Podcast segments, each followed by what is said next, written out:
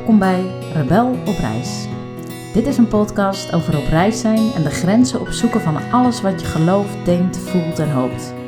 Ik ben Annelies Rebel, 38 jaar en een ware avonturier als het gaat om mijn binnenste. Ik hou van diepe vragen, mooie mensen en ben altijd nieuwsgierig of het ook anders kan. In deel 1 zocht ik naar lichtere bagage voor onderweg. In deel 2 ga ik ervaren wat er nodig is om echt je eigen pad te kiezen.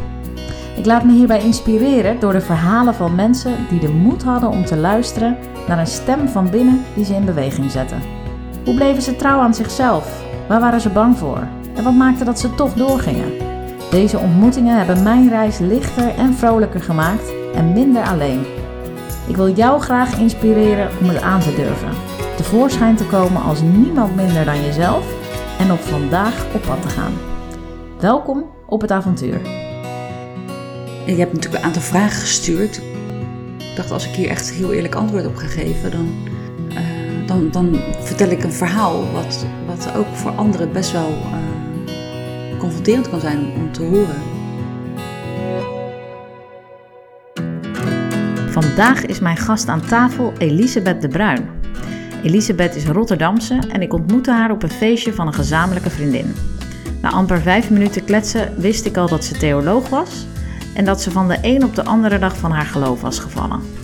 Er volgde daarna een ingewikkelde tijd voor haar in die periode waarin ze veel had uit te zoeken. Maar wat er in haar werd aangewakkerd was haar liefde voor rituelen. Ze maakte haar werk ervan, is nu rituelenmaker, maar moest daarvoor wel van het padje gaan, zoals ze zelf zegt. In dit gesprek vertelt ze hoe spannend dat is geweest en wat het haar heeft gebracht. Ik bewonder Elisabeth enorm hoe ze tevoorschijn komt in dit gesprek, dus ga er lekker voor zitten. Elisabeth, welkom. Dankjewel. Ik vind het heel leuk om jou, uh, uh, nou, na het feestje zou maar zeggen, weer uh, hier te ontmoeten. Ja, wederzijds, ja. En ik start altijd elke podcast met een mooi ritueel, namelijk het aansteken van een kaars. Zullen we dat doen? Ja, laten we dat doen. Dan steek ik deze aan. En dan mag jij die andere aansteken. Ja, en ik dacht, als rituelenmaker dacht ik van, ik heb ook nog wel een vraag erbij eigenlijk. Oh, mooi. Wat verlang jij voor dit gesprek? Voor deze ontmoeting? Ik denk een soort uh, openheid. Mm -hmm. uh, als je van hart tot hart met iemand kan spreken, dan krijgt er gewoon iets in mij weer vorm en iets in jou weer of zo. Dus, dus eigenlijk van hart tot hart met mensen spreken maakt dat er dingen weer kunnen stromen. Mm -hmm. Die je misschien anders niet zo snel zou uitspreken. Uh, dus dat vind ik altijd het mooie van ja, met mensen in gesprek gaan. Dat dat weer kan ontstaan. Ja, en dat het jou ook vormt. Ja. Dat die ontmoeting je verandert ja. eigenlijk. Ja, eigenlijk wel ja. ja. Mooi. En jij? Um, ja, ik verlang tevoorschijn te komen. Want jij gaat mij tevoorschijn roepen volgens mij, bevragen. Dus daar kijk ik naar uit. Dat vind ik ook spannend, maar ik kijk er ook naar uit. En ik verlang uh, dat uh, degene die luistert, uh, ja, iets, dat, dat wat wij bespreken, dat het dat ergens anders ook mag raken. Ja. Dat hoop ik. Wat is er, want dat tevoorschijn komen, dat herken ik wel. Ja. wat, wat is daar nou altijd zo eng aan? Waarom Ja. vinden we dat zo eng? Ja. Ehm, ja, ik merk bij mij dat ik toch wel denk van, oh, wat, je hebt, je hebt natuurlijk een aantal vragen gestuurd. Ik dacht, als ik hier echt heel eerlijk antwoord op ga geven, dan, uh, dan, dan vertel ik een verhaal wat, wat ook voor anderen best wel uh, confronterend kan zijn om, om te horen. Of uh, misschien ook het oordeel van anderen. Ja. Wat ik soms dan een beetje vrees, van, oh, als familieleden dit luisteren of mensen met wie ik gewerkt heb, wat zullen ze wel niet van vinden? Dat ik dan toch bang ben voor een oordeel. Ja. Nou, des te moediger dat je hier dan aan tafel zit. Ja. Hey, um, ik zei het al even in de inleiding van, uh, ik raakte met jou in gesprek en uh, nou, het was al vrij snel duidelijk dat je zei van, uh, ja, ik ben theoloog en ik ben eigenlijk van het een of andere dag van mijn geloof afgevallen. Ja. Ja, ver, vertel eens, je hebt een studie gedaan, um, Ja. je bent gaan werken, wat, hoe is die aanloop geweest? Ja, die aanloop, is- dat is wel een grote aanloop geweest. Want ik, heb, eh, ik ben opgegroeid in een klein dorp. Ben reformatorische eh, eh, school geweest op de Driestar. En ehm, ja, ik heb eigenlijk een hele christelijke jeugd gehad. En uh, al heel jong dacht ik, ja, zo wil ik ook leven. En ik heb op mijn 17-jarige leeftijd heb ik mijn blijnis gedaan. Maar uitgesproken, ja, ik geloof in God. Ja, ik wil vanuit deze bronnen leven. En, uh, en dat ging ook wel gepaard met een zoektocht. Maar ik was heel overtuigd en dat werd heel erg aangemoedigd. Ik had MAVO gedaan, kappersopleiding. Maar ik voelde toch een soort roeping om echt werk te maken van mijn geloof.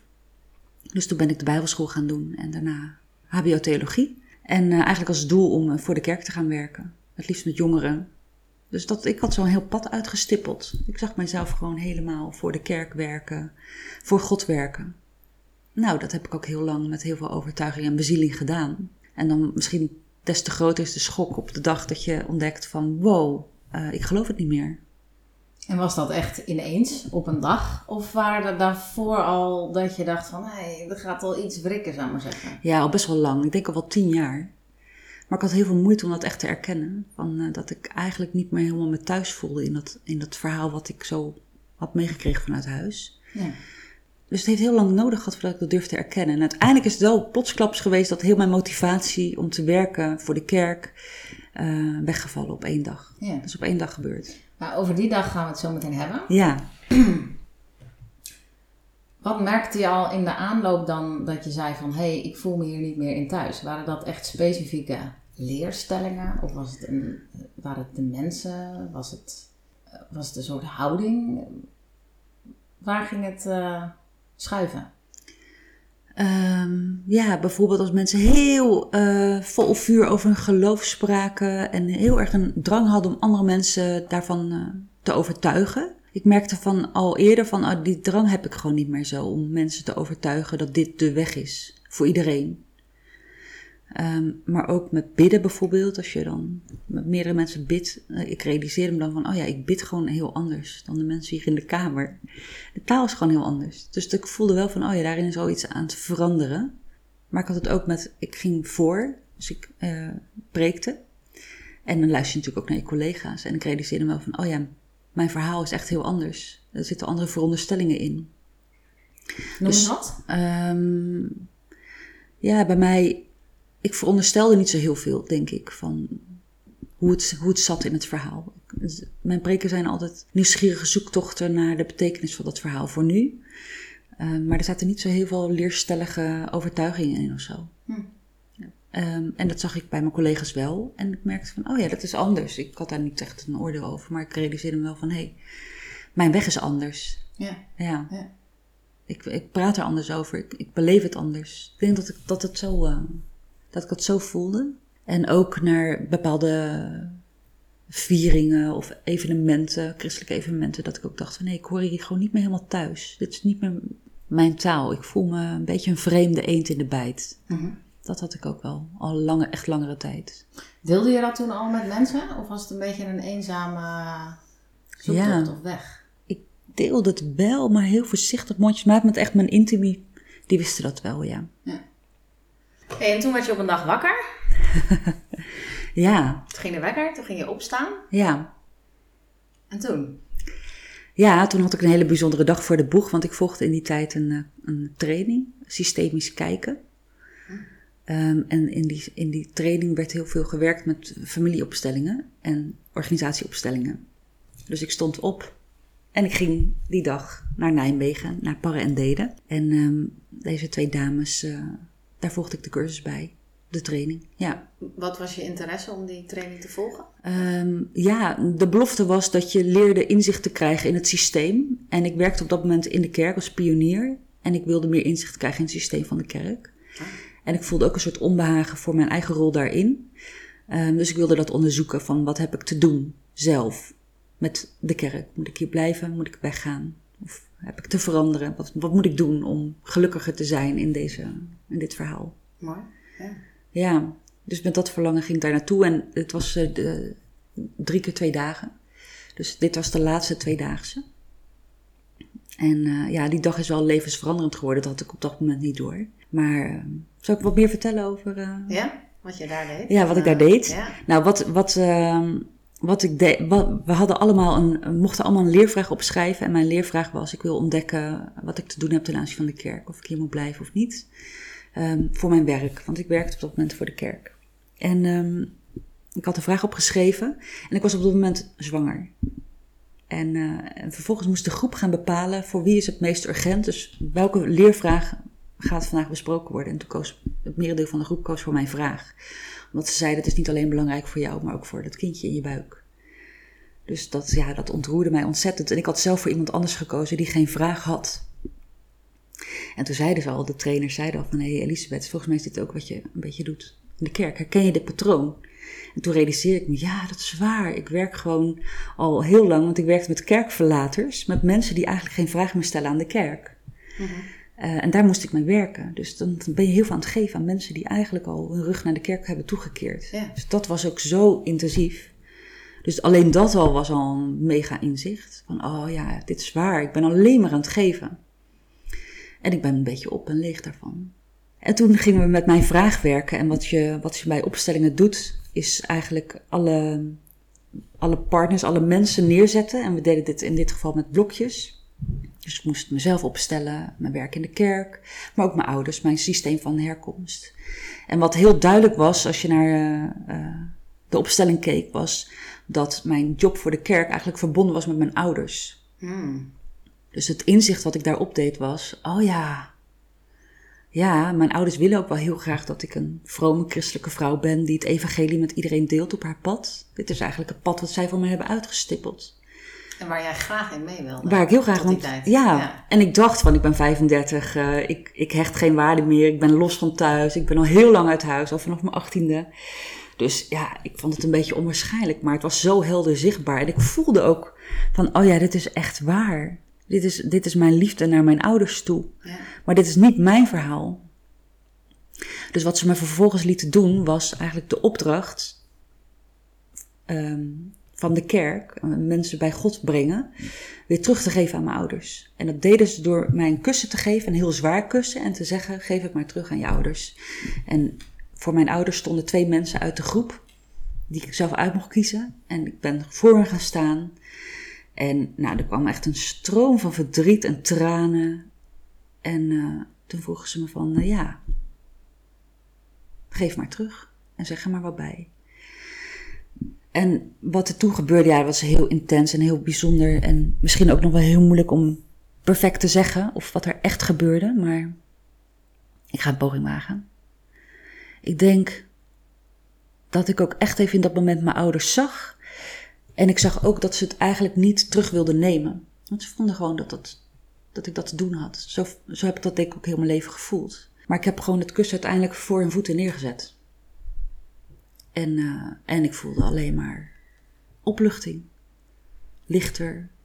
En ook nog heel verdrietig, want ik voelde ook wel een soort loyaliteitsconflict. Maar ik merkte ook van, oh, ja, dit is ook hun opdracht. En ik zie wel wat, er wat mijn pad is, wat mijn lot is, mijn weg. Maar dit is van hen. En uh, ja, toen heb ik het bij uh, hen gelaten. Wat, wat ging er allemaal door je lichaam heen? Toen je op het moment dat je dat moest doen, zou ik maar zeggen. Ja, heel veel verdriet ook wel. Van, ik voelde ook van, ik ga me nu schuldig maken, want ik ga nu iets doen wat mijn ouders niet fijn vinden. Ja. En um, ik denk dat ik heel mijn leven gewoon eigenlijk heel, toch heel graag wilde dat, dat zij heel tevreden waren over de keuzes die ik maakte. En ik realiseer me gewoon over deze keuze, hier gaan ze heel verdrietig van worden. Hm. Dus dat voelde ik zo verdriet gewoon echt. Oh, en ook een beetje zo pijn van, ja, ja, je voelt gewoon dat je iets gaat doen wat, wat niet, uh, niet hoort. Eigenlijk ook niet gewenst is. Ja. En ik voelde ook van, oh, wat de consequenties gaan dit hebben. Even zo, toch door mijn hoofd van, wow, hoe gaat mijn leven eruit zien? Hmm. En net zwanger, echt nog maar heel pril, maar ik voelde gewoon zo, oh, spanning. Nou ja, ik kan het bijna niet uit te leggen. Ja. ja. Ja. en er kwam gewoon echt heel veel verdriet uit. Wat is daar toen met, in die opstelling mee gebeurd? Nou, nou zij hebben me echt heel mooi begeleid. Zij gaven er gewoon heel veel ruimte aan. En ze geven dan ook bepaalde zinnen om te zeggen. Mhm. En die zinnen, die helpen eigenlijk, hebben mij heel erg geholpen. Zo van, uh, dit is jullie lot, ik neem mijn eigen lot. Jullie zijn mijn vader en mijn moeder. Um, ik aanvaard jullie als mijn vader en moeder. En ik ga mijn eigen weg. Ja. Dat soort zinnen. ja, heel krachtig. Dus ze hebben mij heel warm en liefdevol en eh, mooi begeleid hier in dit proces. Ja. Maar de stap naar van ik doe dit eigenlijk voor mijn ouders, ik moet mijn eigen weg kiezen, ja, naar ik geloof dit allemaal niet meer, nee. dat is er ook nog een. Ja, en, en kijk, het, het is uiteindelijk op die dag gebeurd. Maar dat voelde ik natuurlijk pas later. Van, oh. Ja. Maar eigenlijk al vrij snel thuis. Want ik ging die dag naar huis en ik vertelde aan mijn man van wow, het is wel echt iets bijzonders gebeurd. Ik heb het gevoel dat het heel veel impact op me heeft, maar ik weet nog niet hoe. En in die week daarna moest ik gewoon maar aan het werk en ik voelde gewoon helemaal geen motivatie meer. Gewoon helemaal nul. En dat was zo'n groot verschil, want ik was altijd heel gedreven en gepassioneerd. En ik besteedde echt mijn hele leven aan dat werk. En opeens voelde ik gewoon helemaal geen zin meer om te werken. Nou, dat was, een, ja, was heel bijzonder gewoon. Heel apart ook, een beetje vervreemdend ook. Van wat gebeurt hier? Ja. En toen voelde ik ook van, oh ja, die diepe motivatie, die toch die gedrevenheid die ik van mijn, uit mijn ouders heb gehad, die heb ik gewoon niet meer. Dat is dus blijkbaar niet mijn verhaal. Ja. En ik moet op zoek nu naar mijn verhaal. En dat heeft ook nog heel veel jaren geduurd. Voordat ik dat uitvogelde. Ja. Weer opnieuw. En wat gebeurde er in die tijd daarna? Want dan heb je, heb je geen zin meer, geen motivatie meer voor je werk. Heb je Nee. je baan opgezegd bijvoorbeeld? Ja, heb ik gedaan. Ja, en, en vrij impulsief. En uiteindelijk, achteraf denk ik, misschien was het iets te impulsief. Weet je wel, ik was zwanger. Ik, ik, ik heb mijn baan opgezegd eh, bij de kerk. En ik dacht, nou, ik moet maar iets gaan doen wat, eh, wat goed te combineren is met moederschap. Ik ga terug naar het onderwijs. Ik heb langer levensbeschouwing gegeven en godsdienst. Dat ga ik gewoon weer doen. Levensbeschouwing, niet op een hele uitgesproken christelijke school. Dat kan ik vast nog wel. Mhm. Ehm, en dat, dat werkte helemaal niet uit zoals ik had gedacht. Want ik had het in mijn hoofd, met mijn hoofd bedacht, want ik kan dat wel, maar dat, de school was geen goede match. En ja, ik kon, ik kon daar gewoon helemaal niks meer mee. In het onderwijs. Ja. Dus opeens zat ik ook daarin op een plek die heel, helemaal niet goed aanvoelde. Helemaal niet fijn en veilig. Dus ehm, ja, dat is een moeilijke tijd geweest. Dus het was niet zo van, eh, ik verloor mijn geloof en ik vond eh, daarna weer heel snel een nieuwe weg. Nee, Nee. het is echt jaren zoeken en ploeteren geweest. Ja. Ja. Waarin ik ook al voelde van, oh, ik ben ook echt iets heel moois kwijtgeraakt. Wat was dat moois? Ja, dat, eh, toch een soort intiem gevoel met God. Hmm. Ehm, het gevoel hebbende dat er altijd iemand heel duidelijk aanwezig is in je leven. Die je, een soort, nou ja, superpower. Mhm. Misschien mag ik het zo zeggen.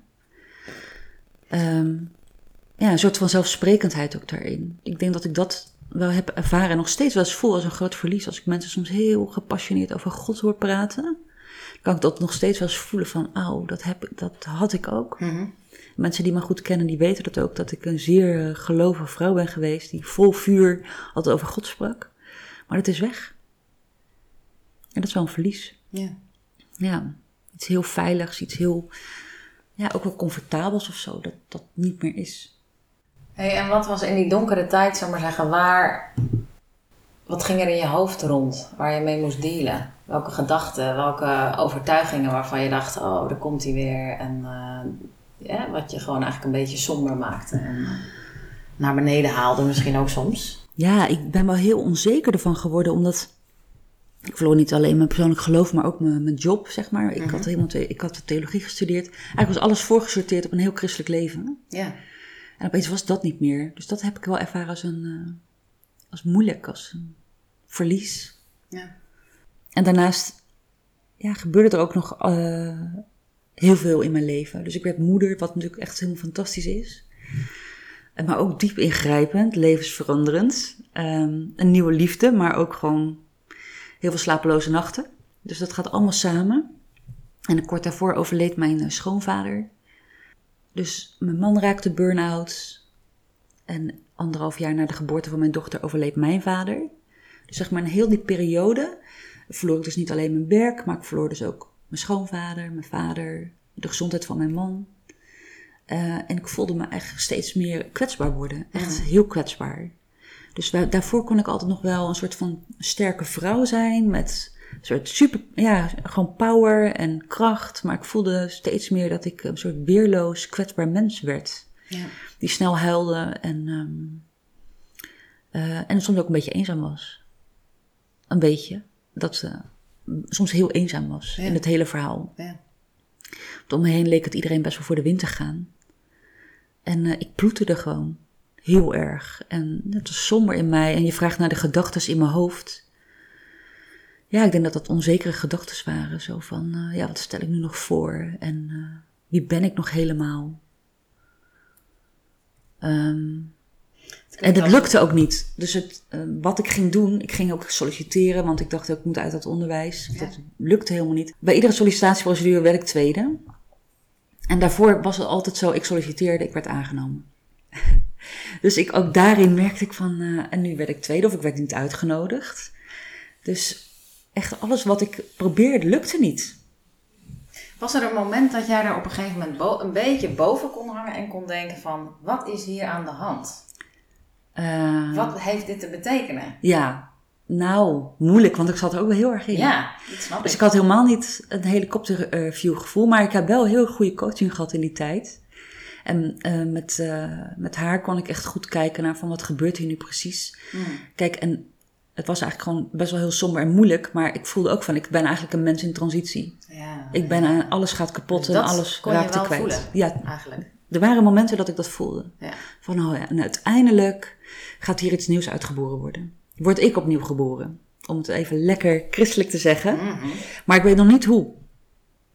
Dus ja, dat voelde ik ook.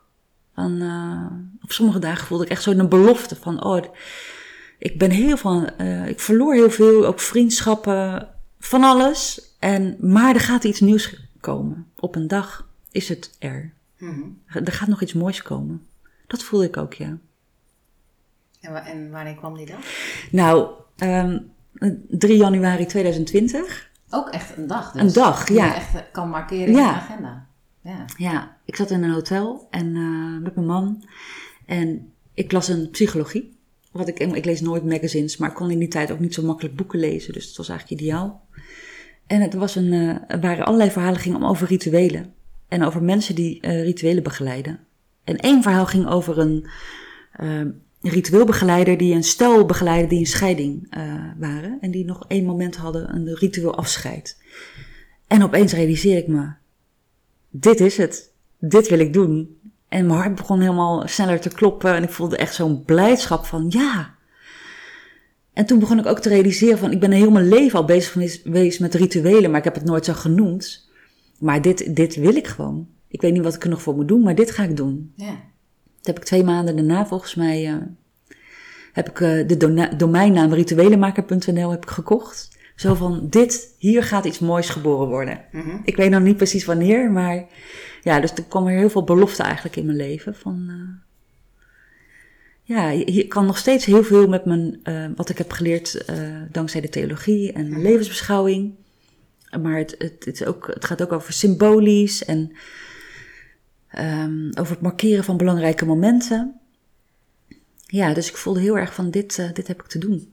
Hey, en hoe, hoe zag jij dat ineens voor je dat je dat eigenlijk al je hele leven boeide? Nou, wat ik heel mijn leven al heb gedaan, is dat ik altijd bezig ben geweest met het inrichten van een huis. Ehm, en als klein kind, ik denk dat ik echt zeven of acht was, was ik al iedere dag bezig met de dingen zo neer te zetten dat het klopte. In mijn kamer. Oh. En ik, zat, ik sliep samen met mijn zus op een kamer en we hadden een bedstee, dus we konden geen bedden verschuiven of zo, maar we hadden allebei een kant. En dan vroeg ik aan mijn zus, hey, mag ik, eh, zullen we ruilen van kant? En mijn zus was een beetje een rommelkont. Dus die zei, dat is goed als je ook al mijn spullen opruimt. Ik zei, nou dat is goed, dat doe ik dan. En dan ging ik al die meubeltjes verschuiven. Ging ik alles helemaal zo neerzetten. En dat ik dan binnenkwam in mijn kamer, dat ik dan echt dacht van, oh ja, dit is, nu klopt het. Wat En- heerlijk. Ja, dus dat ehm, ben ik gaan inzien dankzij een opleiding waarin heel erg gevraagd werd, wat, wij, wat deed je als kind? Ja. En toen zei ik van, eh, ja, dit is echt, dit deed ik al heel erg toen ik echt heel jong was. En ook als ik in bed schoof, dan legde ik alle knuffeltjes helemaal perfect zo neer. En dan schoof ik precies in het midden in dat holletje. En dan ging ik zo lekker liggen. En dan ging ik slapen. Mhm. En, maar ook daarin moest het altijd weer kloppen. Dus ik ben altijd op zoek geweest naar het kloppen. En bij rituelen gaat het ook over eigenlijk de dingen zo neerzetten. Muziek, handelingen, taal, dat het klopt. En hoe voel je dat? Dat het klopt? Ja, dat voel je. Eh, maar hoe voel ik dat? Ehm, Of waar, waar stem jij op af dat je denkt van... Is het gewoon helemaal intuïtie? ja, het is intuïtie en het is het verhaal van de ander en wat de ander laat zien. Dus wat ik doe als ik een ritueel maak, ik vraag, mensen komen naar me toe, die zeggen bijvoorbeeld, uh, ik wil markeren dat wij zwanger zijn en een kind gaan krijgen. Dan schrijf ik een uh, rituele script, dus ik luister eerst heel aandachtig naar een verhaal. Dan schrijf ik een rituele script waarin ik eigenlijk helemaal een ritueel beschrijf, zoals ze dat kunnen gaan, uh, gaan uitvoeren. En ik krijg iedere keer eigenlijk terug, het klopt, helemaal, het is raak, ik moest huilen. En dan weet ik ook van, oh ja, het klopt alleen niet, niet alleen bij mij, maar het klopt ook bij voor degene mm. met wie ik werk. Dus dat is ook mijn, mijn meetlat eigenlijk. Ja. Dus niet alleen mijn eigen intuïtie, maar ook kijken naar de ander. Klopt het echt helemaal? Of zit daar nog iets wat, uh, waar we nog iets mee moeten? Ja. Ja. Ja, dus het is wel intuïtief werken, maar niet. Uh, maar ook, ja, ook heel erg in samenwerking met de ander. Ja. Want hoe, hoe zou jij een ritueel noemen? Wat, wat is het? Ja, heel kort zou ik zeggen: het is een symbolische handeling uh, die het alledaagse overstijgt en die iets markeert.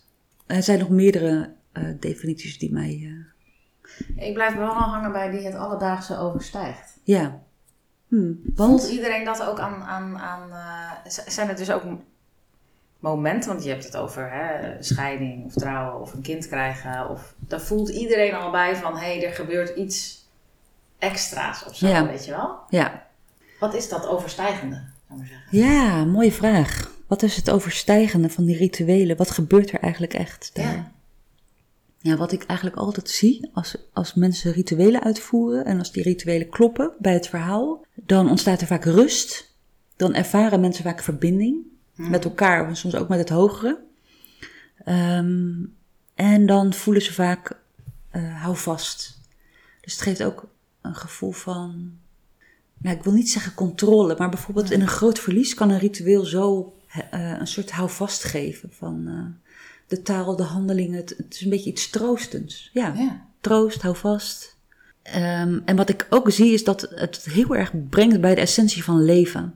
Vaak de dingen die we doen in een dag, die, dat is ook soms gewoon omdat het moet, dat doen we onbedacht zijn. Maar in een ritueel ben je vol aandacht. Ja, en dan. Gebeurt er altijd iets. Ja, er gebeurt er altijd iets. Als je iets met aandacht doet, het, het, het verbetert de kwaliteit van de ervaring. Het is gewoon, daar gebeurt echt iets groots. Ja. Iets wat, uh, wat je ook het gevoel geeft van ja, ik leef.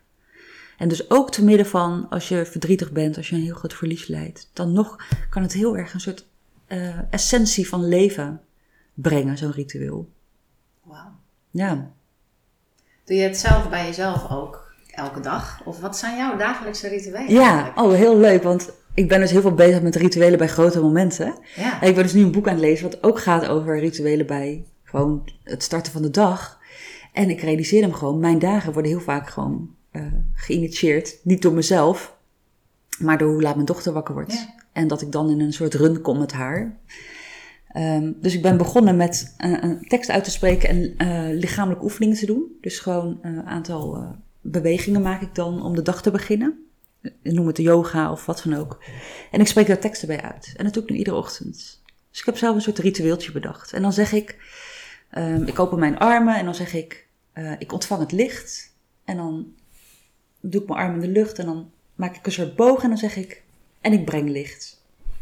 Of ik ben licht. Of, uh, maar dit is ook, vandaag zei ik, ik ontvang moed en ik ben moedig. Hmm. Dus teksten die mij helpen om uh, ja, in een goede mindset te komen.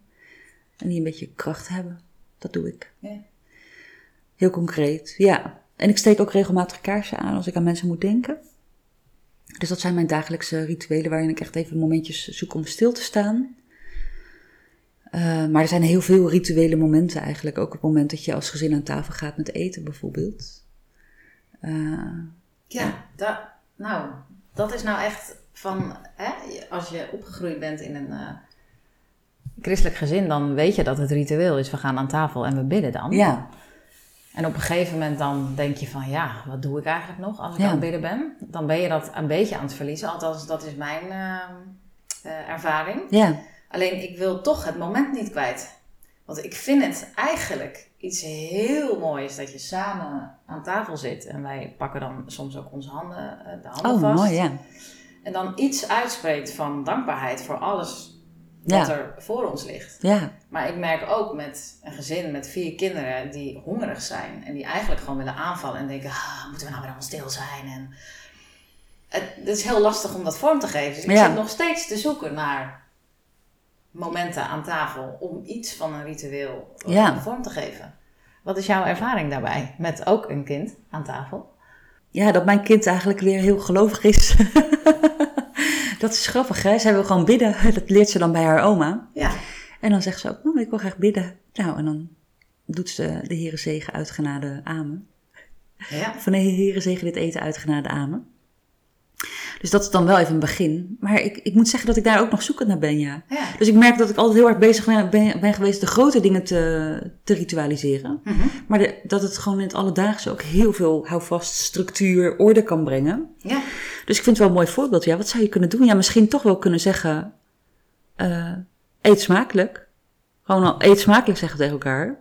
En Als dan je gaan dat eten. bewust doet Ja, en elkaar misschien even aankijkt. Ja. Of hè, even de handen vast of Ja. iets. ja. of je kan ook zeggen: de eerste minuut eten we even in stilte. Ja, dat zou ik ook echt top vinden. Zoiets. Ja. Hey, en je hebt recent een heel leuk berichtje op LinkedIn gezet. Ja.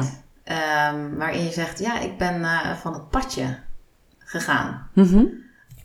Ja, vertel, wat, wat ben je tegengekomen als, oh ja, wacht even, toen liep ik de gebaande weg, zal ik maar Ja. zeggen. En nu ben ik van het padje. Hoe, hoe zit dat? Ja, nou, het, het pad. Wat ik heb geleerd eh, vanuit huis is wel dat je gewoon een christelijke weg hebt te gaan. Jezus volgen, eh, de Bijbel 100% serieus nemen, letterlijk lezen ook het liefst. Ehm, en dat heb ik losgelaten. En dat kost natuurlijk echt heel veel moeite. En nog Maar steeds. bracht het je wat om op de gebaande paden te leven? Ja, ja, goedkeuring. Goedkeuring. Dat bracht het je? Ja, zeker. Kijk, mensen vinden het gewoon in binnen de christelijke, wat, wat degelijkere kringen, vinden mensen het gewoon heel fijn als jij het, het pad bewandelt. En je krijgt daar ook echt eh, applaus voor. Mm. Dus als jij heel mooi kan bidden, of als je, je kan het gewoon heel mooi zeggen en je bent een beetje vroom. Ik was echt een heel vroom mens. Mm. eh, dan krijg je daar wel eh, goedkeuring voor. En ik zocht gewoon heel erg naar goedkeuring van andere mensen. Mm. Dus ik ging daar best wel goed op eigenlijk. Want mensen zeiden ook altijd van, ik heb echt bewondering voor de manier waarop jij in het geloof staat en hoe je ermee omgaat. Nou, dat echt, daar groeide ik van. Ja, Ja, lekker. ja. Oh, dacht ik, oh, ik doe echt iets goeds. Dus dat moest je ook loslaten toen je van dat pad ging. Ja, want ik kreeg geen goedkeuring meer. nee. En thuis, en, eh, thuis, dit is mijn huis nu, maar thuis noem ik ook even mijn ouderlijk huis. Daar gaf het om ook moeilijke gesprekken. En eh, onbegrip en tranen. Ehm, dus ja, Wat deed het met je zelfbeeld? Nou, ik voelde wel van, ik ben dichter bij mezelf dan ooit. Ja. Maar auw, het doet wel pijn. Ja. Want eigenlijk wil ik nog steeds horen van mijn ouders dat, dat ze vinden dat ik het goed doe. Ja. En ze zetten toch kanttekeningen bij de keuzes die ik heb gemaakt. Waarom willen we dat zo collectief? Ja, Dat onze ouders zeggen, je doet het goed en je bent goed. En dit is ongelooflijk. Ja, dat komt is- zo vaak terug. Ja, dit is volgens mij altijd een patroon. En, en je denkt dus dat je als je 30 plus bent of 20 plus, dat je dat niet meer wil. Ja. Maar heel veel mensen willen dat toch. Ja. Ja, wat is dat? Gewoon een natuurwet eigenlijk. Dat je wil dat het je ouders goed gaat. En dat je als kind daar voelt, aan voelt. Denk je, oh ja, ik kan hier ook iets aan bijdragen. Dus laat ik dat doen. Maar zou de kerk juist niet een plek kunnen zijn, ook heel veel andere plekken, Mhm. die juist verder gaan dan die patronen? Dus die je kunnen meenemen in een verhaal waarin je al goed bent. Waarin je dat allemaal niet van ouders nodig hebt of van de hele externe buitenwereld. Ja, bedoel, dit is toch eigenlijk iets heel wezenlijks. Dat je als mens weet, ja, ik ben goed. ja. Zo, ja. Ja, maar in de kerk waarin ik ben opgegroeid gaf dat spanning van eh, ik ben goed. Nee, je bent in zondig. Ja. Je bent niet goed. Iemand zei een keer: alles wat je plaatst achter ik ben, wordt waar. Ik Hmm. ben zondig. Ik ben goed. Ja. Ik ben liefdevol. Maar de, ja, in de kerk heb ik niet eh, de goede zinnen geleerd om. eh, ja, voor, een- voor een positief zelfbeeld. Ja. Ik heb er ook heel lang mee geworsteld, ja. Ja, en nog steeds worstel ik daar wel mee. Ja. Nou, dat vind ik altijd wel pijnlijk voor ehm, instituties die toch pogen iets van de waarheid te zoeken. ja. Dat die zo soms daarbuiten uitkomen. En ja, in die zin ook schadelijk zijn. Ja, Dat vind ik Ja, wel ik weet, ja. ik volg al heel lang iemand die veel schrijft over religieus trauma. En ik dacht eerst echt, oh, ver gezocht. En het gaat niet over mij. Na een tijdje realiseerde ik me, auw. Ik heb ook religieus trauma opgelopen. Ja. En dat vind ik dan zo'n groot woord, trauma. En, maar er zitten echt eh, heel grote pijnpunten. Ja. Ehm, een van de dingen waar ik heel veel pijn aan heb gehad, is dat ik altijd verlangde naar de liefde van mijn ouders. En dat ze dat ook uitspraken. En dat deden ze nooit zo heel erg. En, maar ook dat ik wel eens heb ervaren, als ik het moeilijk had, zeiden mijn ouders eigenlijk altijd, je moet maar bidden. God wil je wel helpen. Terwijl ik eigenlijk, als ik het moeilijk heb, heb ik helemaal niet nodig dat ik naar God ga, maar heb ik hun arm om mij heen nodig. Ja. Eh, en hun onvoorwaardelijke aanwezigheid. En daar, dat zit, daar zit zo'n spanning voor mij in. Ik heb toch het gevoel dat in de kerk heel vaak de dingen op God worden afgeschoven die God eigenlijk gewoon aan ons heeft uitbesteed. Zoals liefhebben. Eh, Zoals het licht zijn. ja. Ja, dus daar, oh, daar zit zo'n pijn soms ook, ja. En die kom ik ook tegen bij andere mensen. En, in de, en, en, en ik dacht ook altijd in de kerk van... ehm, een van de dingen die mij hebben eh, laten zien dat de kerk toch, een, toch niet per se een plek is waar je vrij wordt... is om gewoon te kijken naar de mensen en de verhalen die ze mij vertelden. En ik zag gewoon heel veel schaamte in de kerk. En heel veel verstop, verstoppertjes spelen. Zich nooit... waarover? Ja, over, bijna over wie ze zijn. Schaamte gaat ook gewoon over wie ze zijn. Dus ik zag het ook bij mensen die uit de kast kwamen en dat zo moeilijk vonden. Om te vertellen, ik ben homo, ik ben lesbienne. Toen dacht ik, het gaat over wie ze zijn. Het is niet een... En ik weet dat in sommige kerken ook nog dat het losgeplukt wordt van wie je bent. Maar op wie je valt, dat is ook wie je bent. Ja. En ehm, daar zag ik ook heel veel schaamte rondom dat. Maar ik zag, ja, ik weet niet, in de kerk zag ik gewoon heel vaak dat het echte eerlijke verhaal niet aan elkaar werd verteld. En dat we het allemaal net even iets hebben opgepoetst en wat mooier hebben gemaakt. En ehm, ja, dat mensen die het heel moeilijk hadden, dat ook nooit zo heel erg durfden te vertellen, bijvoorbeeld. Moet jij ook nog door die schaamte heen als je bijvoorbeeld rituelen met mensen doet? Of is dat eigenlijk al bijna dan niet meer aanwezig? Nou, soms wel een beetje door ongemak, want de Ja. rituelen kunnen soms ook wat ongemakkelijk zijn. Ja. Ehm, en ik zie soms ook wel dat schaamte een rol speelt. En ik probeer, ja, ik weet gewoon, schaamte heeft één killer en dat is delen en erover praten. Ja. Dus dan toch benoemen van, zit hier nog ongemak, kunnen we dit nog bespreken voordat we dat ritueel gaan uitvoeren bijvoorbeeld. Ja. Dus dat, ja, schaamte speelt natuurlijk wel vaak een hele grote rol in interacties. Dus ook in de rituelen soms, ja. Ja, dus van het padje gaan is dat ook, dat, eh, Dat is ook dus die schaamte aankijken. ja. En En ook die spanning opzoeken. Ja, en ook voelen van als je van het padje afgaat, wordt het wel ongemakkelijk. En ga je gesprekken voeren die niet leuk zijn. Ja. En dan weet je eigenlijk ook wel dat je goed zit. Want als je dan voelt van, maar ik hoor wel bij mezelf, dan weet je dat je de goede weg gaat.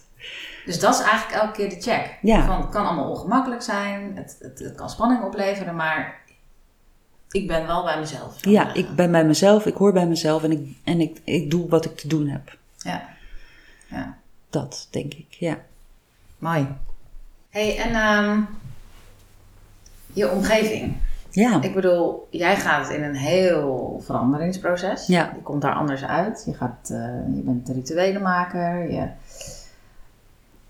Ben je mensen kwijtgeraakt onderweg? ja. En hoe was dat? Ja, ehm, pijnlijk wel. Want het waren mensen met wie ik me verbonden voelde en met wie ik veel contact had. Dus ik heb dat wel ervaren als een pijnlijk proces, ja. Als, eh, ook als rouw en verlies. Maar ik voelde ook wel van, ja, so- so- soms gebeurt dat zo in het leven. En het bijzondere is wel dat ik één iemand wel ben kwijtgeraakt. ehm, en dat ik toen ook dacht van, het was echt mijn jeugdvriendin vanaf dat ik heel jong was, 15. Zijn we bevriend geweest met elkaar. We waren uit elkaar gegroeid. En ik dacht wel van, ik, ik, ik wil je leiding aangeven, zeg maar. Ik wil het niet zomaar laten gebeuren. Ik, weet je wat, ik stuur haar een bos bloemen of ik weet niet wat ik heb gedaan. Ik heb volgens mij haar iets opgestuurd eh, en een kaart erbij geschreven. En daarin gezegd, ik wil je gewoon danken. Je vriendschap is enorm belangrijk voor mij geweest. Het heeft me zo gevormd. Ik heb me dankzij jou zoveel minder alleen gevoeld in mijn puberteit en in het losmaken van mijn ouders. En, ehm, en zij stuurde een brief terug. Heel openhartige brief.